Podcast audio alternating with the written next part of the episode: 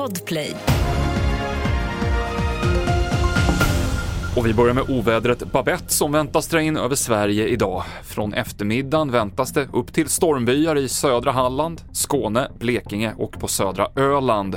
Och tågtrafiken kommer stoppas på flera sträckor i syd. Ja, men det är ett gäng sträckor både i södra Sverige och även i västra Sverige. De flesta kommer stängas av ifrån klockan 15 idag. När det är sån här storm som det kommer nu så är det inte säkert att de vill sätta in eh, ersättningsbussar för det är ju riskabelt att vistas på vägarna också.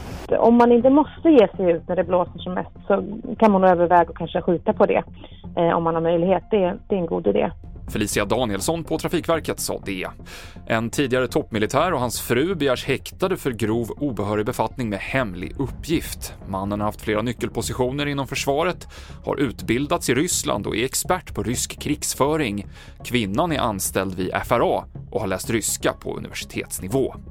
Och i Frankrike har en man gripits nu på morgonen misstänkt för att ligga bakom bombhotet som gjorde att slottet i Versailles evakuerades igår för fjärde gången på en vecka, rapporterar BFM TV. I veckan utrymdes även flygplatser i flera franska städer efter hot om attacker.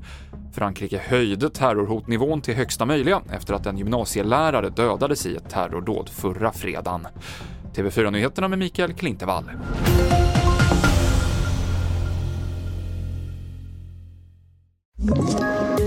Poddtips från Podplay. I podden Något Kaiko garanterar östgötarna Brutti och jag, Davva, dig en stor dos skratt.